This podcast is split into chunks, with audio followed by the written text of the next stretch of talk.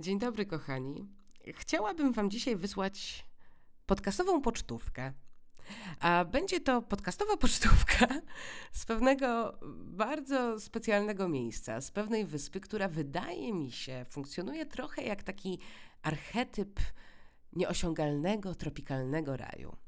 Od razu Wam powiem, raj ten jest jak najbardziej osiągalny, dosyć łatwo jest się tam dostać samolotem. Na miejscu jest bardzo, bardzo, bardzo tanio, zdecydowanie taniej niż w Polsce, więc mam nadzieję, że ta pocztówka trochę Was zainspiruje do tego, do Waszej przyszłej podróży. I ta wyspa, z której wysyłam e, tę pocztówkę, potrafi się często pojawiać w myślach ludzi, którzy nie do końca potrafiliby ją usytuować na mapie.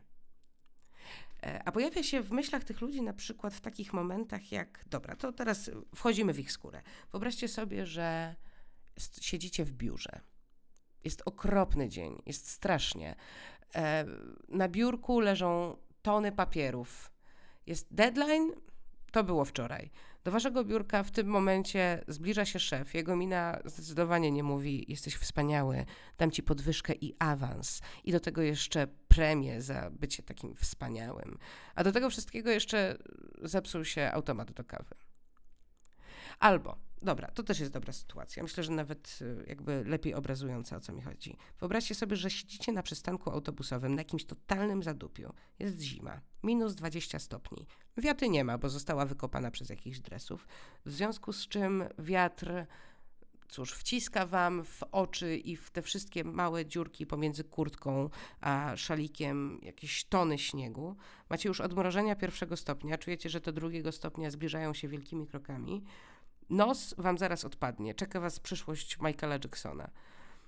Autobus spóźnia się już godzinę i wtedy we waszej głowie pojawia się taka myśl: Boże, co ja bym oddał za to, żeby być teraz na Bali?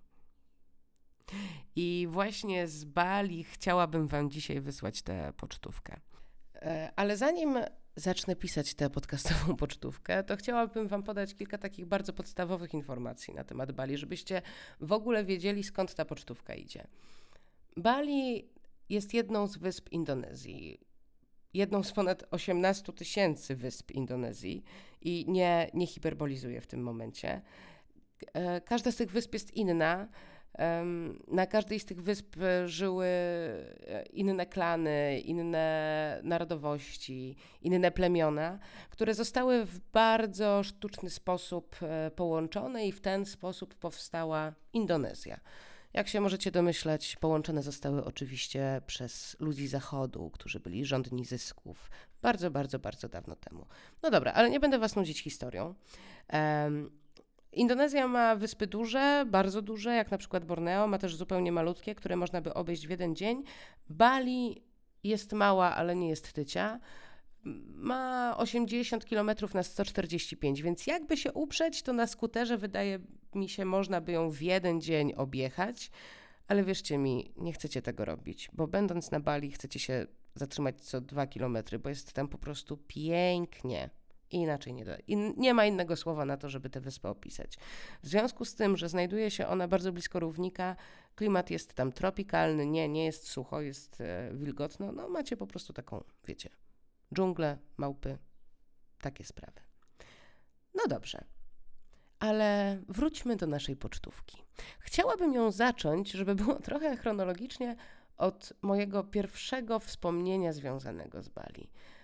A to wspomnienie wiąże się tak naprawdę z tym pierwszym krokiem, który położyłam, e, który postawiłam na balijskiej ziemi. Jeżeli mieliście okazję lecieć samolotem trochę dłużej niż dwie godziny, dwie, trzy godziny, to wiecie o tym, że w tym samolocie tworzy się taki mikroklimat. Powietrze jest zimne, bo klima chodzi cały czas. Czuć w nim taki posmak metalu, kurzu. Do tego, cóż, nie pachnie najpiękniej, bo ludzie, którzy z wami podróżują, często podróżują od kilku dni, więc nie wszyscy mieli okazję dzisiaj się wykąpać. E, także jest zimno, sucho i do tego śmierdzi. No inaczej się tego nie da opisać. I chciałabym Wam teraz powiedzieć o tym bardzo konkretnym momencie, kiedy już wyjdzie się z samolotu na lotnisko, odbiera się bagaż. Powietrze jest dalej całkiem podobne, z tą tylko różnicą, że e, klima na lotnisku jest trochę inna, dawno nie była odgrzybiana, więc jeszcze do tego trochę śmierdzi grzybem. Jest dalej zimno, no bo klima chodzi non-stop. I jak się wychodzi z lotniska i idzie się do tego momentu, gdzie czekają na was najbliżsi, albo ludzie, którzy was mają z tego lotniska odebrać, albo jeśli nikt na was nie czeka, to czekają i tak na was taksówkarze, bo przecież dacie im zarobić. To zanim tam pójdziecie, to musicie przejść przez takie bardzo specyficzne drzwi. Kojarzycie te drzwi z galerii handlowych, one się tak rozsuwają. I teraz ja dokładnie pamiętam ten moment, kiedy te drzwi się rozsunęły.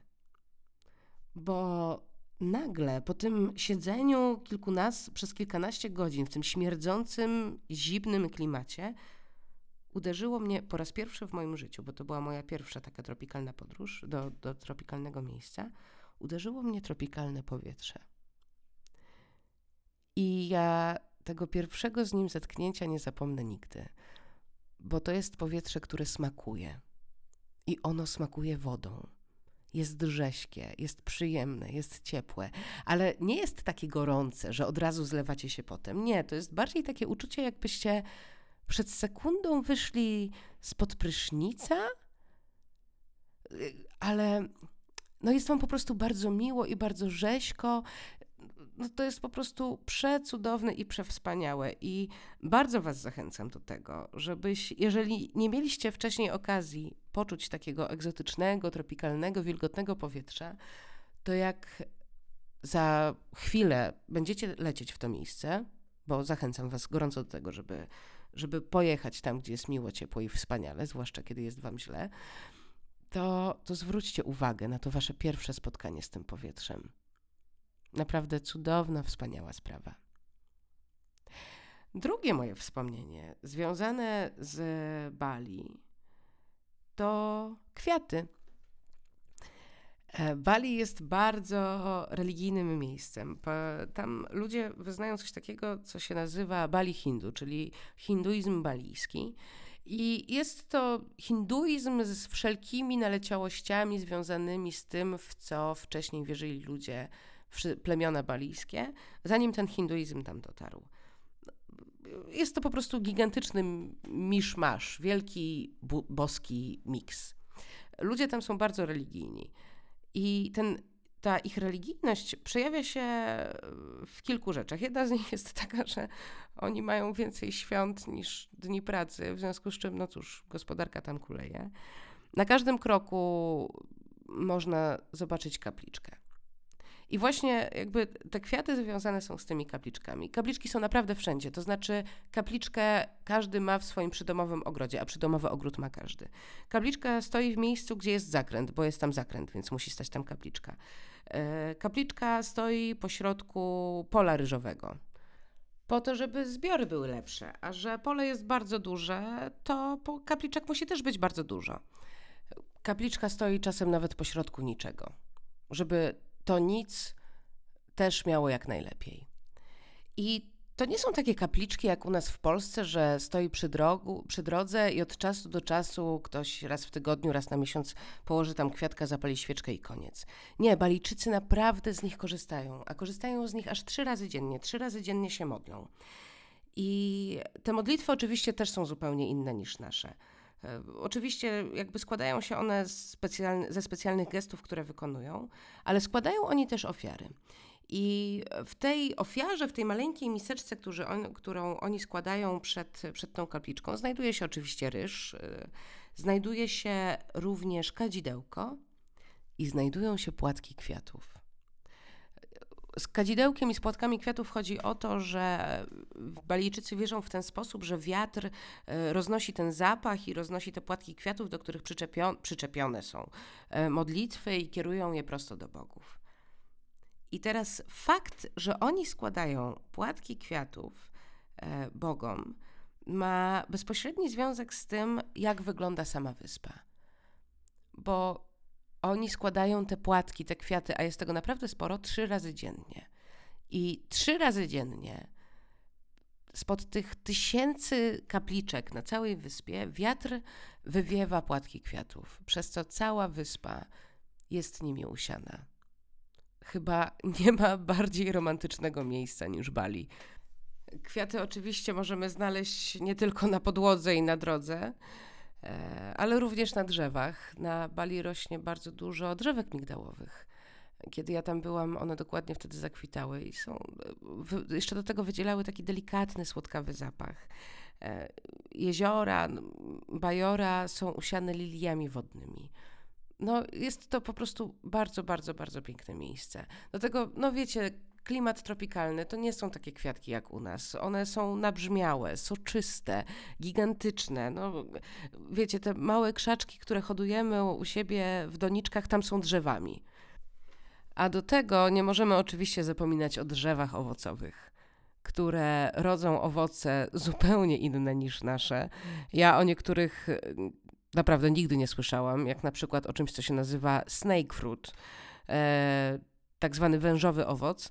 E, a nazywa się tak dlatego, że jest obleczony taką skórką, która wygląda i nawet jest w dotyku trochę jak taka wężowa skóra. A w środku znajdujemy owoc, który nie wiem, chyba jedyne słowa, jakie mogą go opisać, ten, ten, owoc w środku, ten smak, to takie połączenie śliwki z orzechem. Dobre. Wiem, że nie brzmi, ale naprawdę dobre. No i popatrzcie, miałam mówić o kwiatach i o religijności ludzi, a weszłam teraz na owoce i w ogóle jedzenie i kwiatki w doniczkach. No ale widać, pocztówki takie muszą być, że muszą być trochę chaotyczne. No dobra, to e, przejdźmy sobie do mojego kolejnego wspomnienia e, związanego z Bali. E, a są to domy. Domy, w których e, tam się mieszka i hostele, w których tam się mieszka, hotele, w których tam się mieszka. Ja tam mieszkałam w czymś, co my moglibyśmy nazwać bed and breakfast. To znaczy w takich miejscach, gdzie mieszkają normalne balijskie rodziny, e, ale mają też pokoje dla turystów. I to nie jest tak, że tam jest po prostu budynek, na piętrze jest coś, na piętrze jest coś. Nie, tam w ogóle nie ma, w ogóle zapomnijcie o piętrach. To jest budynek, który jest e, zbudowany na planie kwadratu bądź prostokąta. I po środku tego budynku jest patio. To znaczy, to jest trochę tak, jakby ten dom był tak naprawdę czterema długimi domami, które tworzą właśnie taki prostokąt. I po środku tego patio zawsze jest ogród, a pośrodku ogrodu, a jakże kapliczka. I teraz my, wynajmując pokój, wynajmujemy tak naprawdę część domku, i e, na to składa się zawsze łazienka. Nie, nie miejcie zbyt wysokich wymagań. Ta łazienka to tak naprawdę no, kibelek, wiadomo, ewentualnie dziura, plus rurka, z której leci woda, która jest prysznicem. Albo rurka jest położona zbyt nisko, żeby była prysznicem, wtedy dostajecie jeszcze wiadro od razu zaznaczam, prawdopodobnie nie we wszystkich miejscach tak to wygląda. Ja spałam w tanich miejscach, w takich naprawdę, naprawdę tanich miejscach, także 10 zł za noc. E, I oczywiście w, w tej cenie, załóżmy tam 10, 8 zł plus minus, jest jeszcze łóżko, jakaś tam szafka, z której w zasadzie się nie, nie, nie korzysta, i miejsce, gdzie można zawiesić moskitierę Moskitierę potrzebną, niepotrzebną. Ja tam zbyt wielu komarów nie uświadczyłam. Być może byłam nie w tej porze, na szczęście, żeby, żeby uświadczyć dużo komarów. Natomiast ja pod tą moskitierą spałam codziennie, no bo to była moja pierwsza egzotyczna podróż i byłam przerażona tym, że trafi mi się jakiś pająk, który mnie ugryzie i zginę. No, wiadomo, człowiek lubi sobie projektować różne rzeczy. I do tego, więc tak, mamy pokój, mamy, mamy łazienkę i jest taras. I w cenie tych 8-10 zł jest również zawsze śniadanie. I śniadanie najczęściej składa się z tego, że dostajecie jajecznicę, tosty oraz właśnie te owoce, o których Wam wcześniej mówiłam. To jest najlepszy sposób, żeby zacząć dzień. Ja miałam kiedyś nawet taki plan, żeby w ogóle zacząć jeść w ten sposób, że rano jajecznica, tościk i góra owoców, ale umówmy się, te owoce nie smakują tutaj tak samo jak tam. Te arbuzy są po prostu tak słodkie, że czujecie jakbyście jedli cukierka zamiast owoc. Tak samo z melonami, z tymi dragon fruitami e, i innymi. O, tu ciekawostka, również na Bali możecie spróbować czegoś, co jest nazywane najbardziej śmierdzącym owocem świata. Jest e, jest to durian. E, o durianie mówi się, że można go albo pokochać, albo znienawidzić. Ja przyznam się, że je polubiłam, ale to może nie powinnam się przyznawać, bo to trochę chyba wstydliwe w ogóle u nas. Bo durian ma to do siebie, że pachnie jak stare, zgniłe skarpetki. Ja tego aż tak nie czułam. Ja bardziej zwróciłam uwagę na jego konsystencję, a ma konsystencję naprawdę najbardziej kremowych, fantastycznych lodów świata, które ukręcił jakiś włoski mistrz gelato. Do tego mają bardzo specyficzny smak. Chyba nie uda mi się go opisać. Po prostu musicie tam pojechać i spróbować, albo pojechać gdziekolwiek indziej, gdzie, indziej, gdzie duriana można dostać.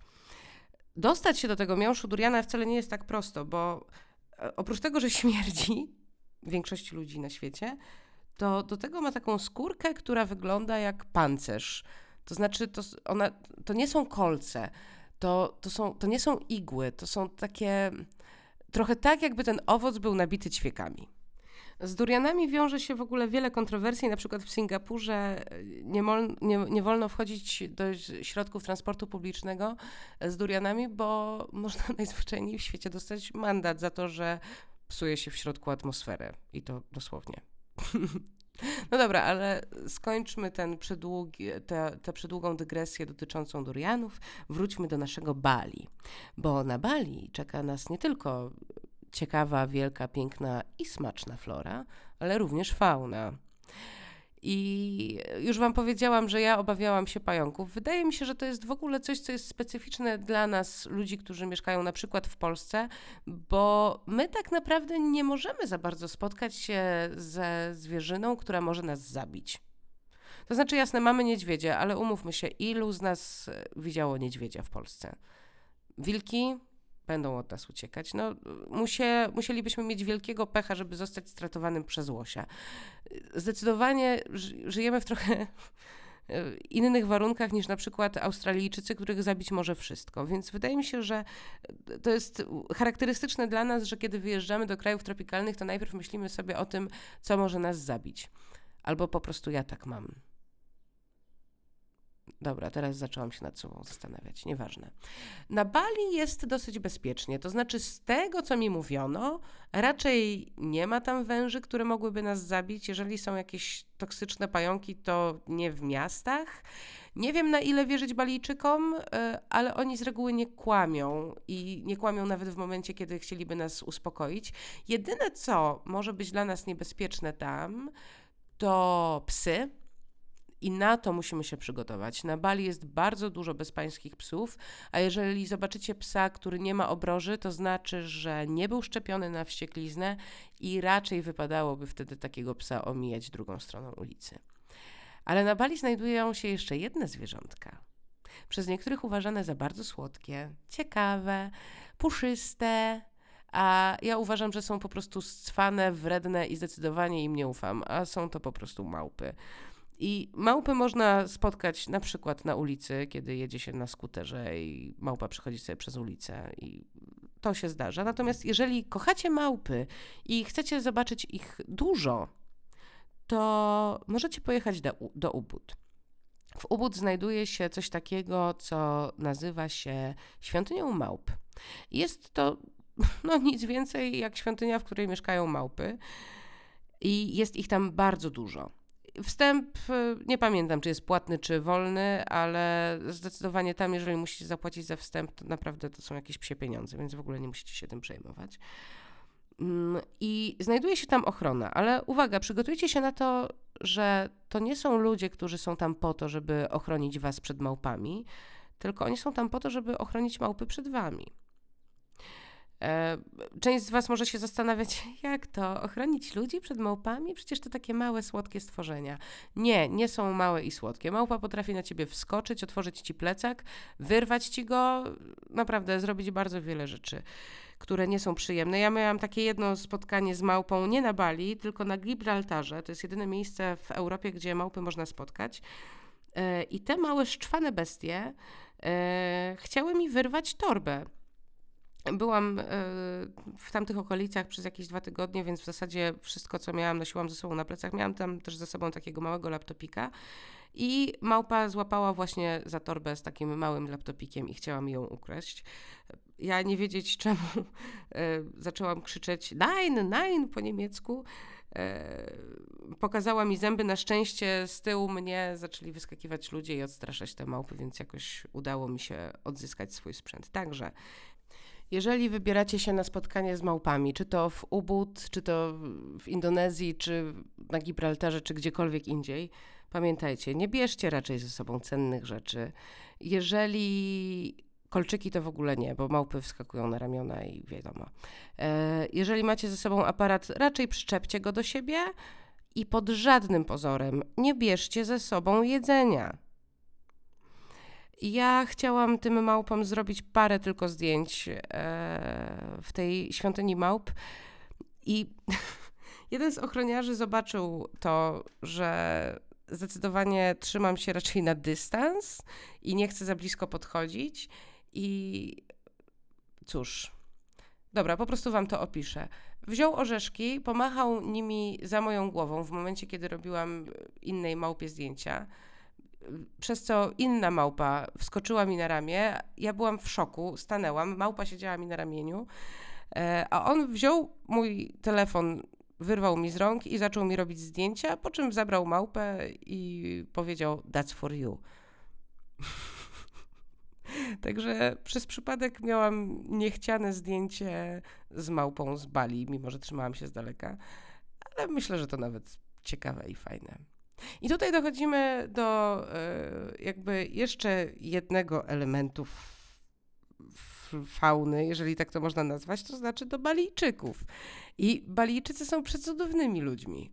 E, oni są nie tylko jakby mają wspaniałe poczucie humoru i są wiecznie uśmiechnięci, o czym świadczy między innymi właśnie moja mała anegdotka z małpką, ale są po pierwsze kochają miejsce, gdzie mieszkają. Jeżeli zapytacie się Balijczyka, czy gdzieś wyjechał, najczęściej odpowie nie. Jeżeli się go zapytacie, czy chce gdzieś wyjechać, to najczęstsza odpowiedź, z jaką ja się spotkałam, to było po co? Przecież mieszkam w najpiękniejszym miejscu na świecie. I w sumie to mają rację. To znaczy, nie wiem, czy Bali jest najpiękniejsze, ale zdecydowanie jest jednym z najpiękniejszych miejsc na świecie. E, jeżeli chodzi o ludzi, to tutaj też jest jeszcze jedna ciekawa rzecz, e, która przy poznawaniu nowych Bali, znajomych e, Balijczyków może okazać się problematyczna. To znaczy, na Bali funkcjonują tylko cztery imiona. I te imiona są zarówno męskie, jak i damskie dokładnie w tym samym momencie, e, a nadaje się je według wzoru. To znaczy, pierwsze dziecko zawsze ma na imię Wayang, drugie zawsze będzie miało na imię kadek, trzecie komang, a czwarte ketut. Możecie zapytać, co się dzieje, kiedy w rodzinie urodzi się piąte dziecko, albo szóste, albo siódme. No to wtedy po prostu zaczyna się odliczanie od nowa. No i cóż, może się okazać, że jednego dnia poznacie czterech komangów i dwóch łajangów.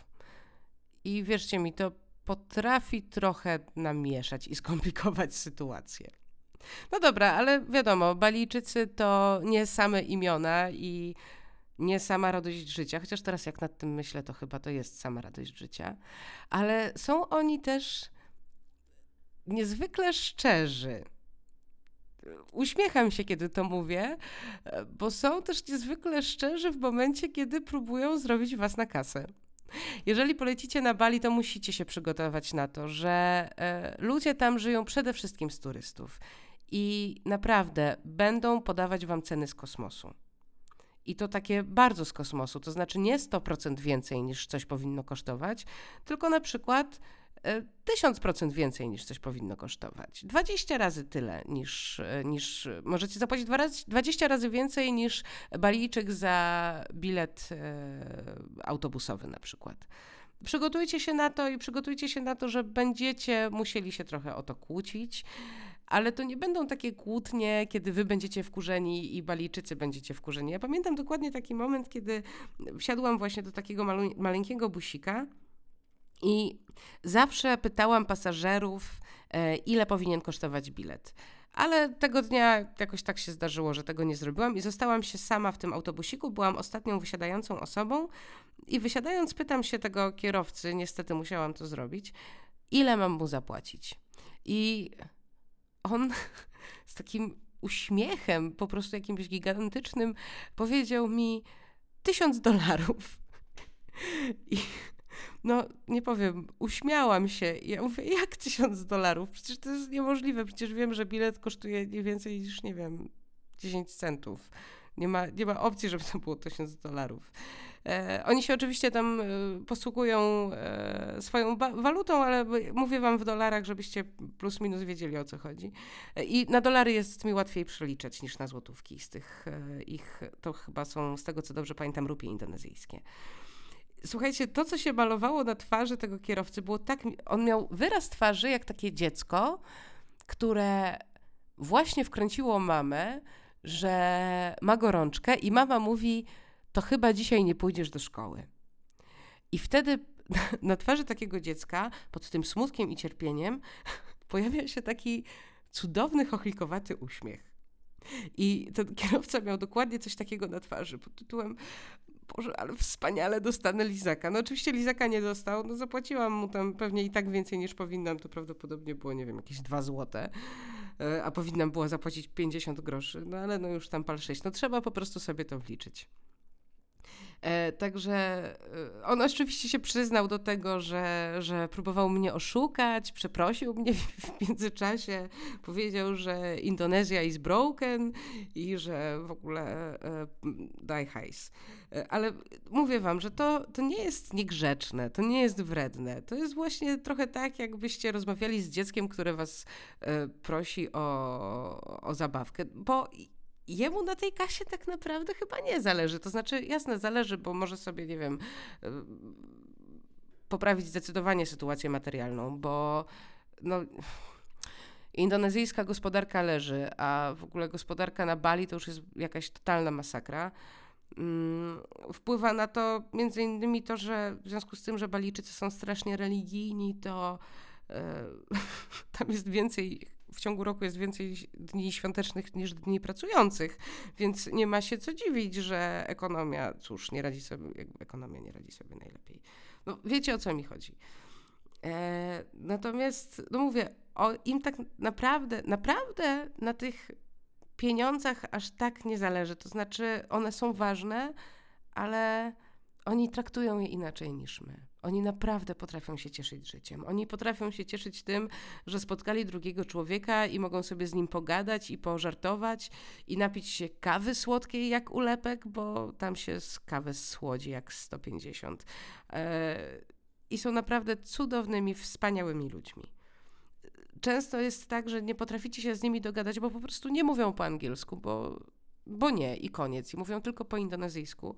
A indonezyjski jest dosyć zabawnym językiem, bo na sam, na samo dzień dobry mają pięć różnych wyrażeń w zależności od godziny, czy chyba nawet sześć różnych wyrażeń. I tak samo na do widzenia w zależności od tego, czy ty wychodzisz, czy wchodzisz. No jakby jest skomplikowany, po prostu. Jest, to jest język, który został sztucznie wymyślony i to jest tak naprawdę zlepek bardzo wielu dialektów, które funkcjonowały na indonezyjskich wyspach i jak tworzyło się państwo, to jakby y, chciano stworzyć taki język, który by mógł funkcjonować y, jako urzędowy. No i tak właśnie stworzono ten sztuczny język. E, Bahasa Indonezja on się nazywa, tak. No dobra, kochani, ale widzę, że gadam i gadam i ta podcastowa pocztówka pomału zbliża się do. zaczyna pomału trwać pół godziny, a to chyba tłumacz. Więc e, nie będę Wam opowiadać wszystkiego, co wiem o Bali, i nie będę wam, z Wami się dzielić wszystkimi anegdotami z tego pięknego miejsca dzisiaj, bo chcę zostawić trochę na później. Mam nadzieję, że było Wam miło przenieść się na chwilę gdzieś tam daleko, w to piękne, ciepłe miejsce. No i cóż, mówiła dla Was Olga, to był podcast e, swoją drogą i trzymajcie się, kochani.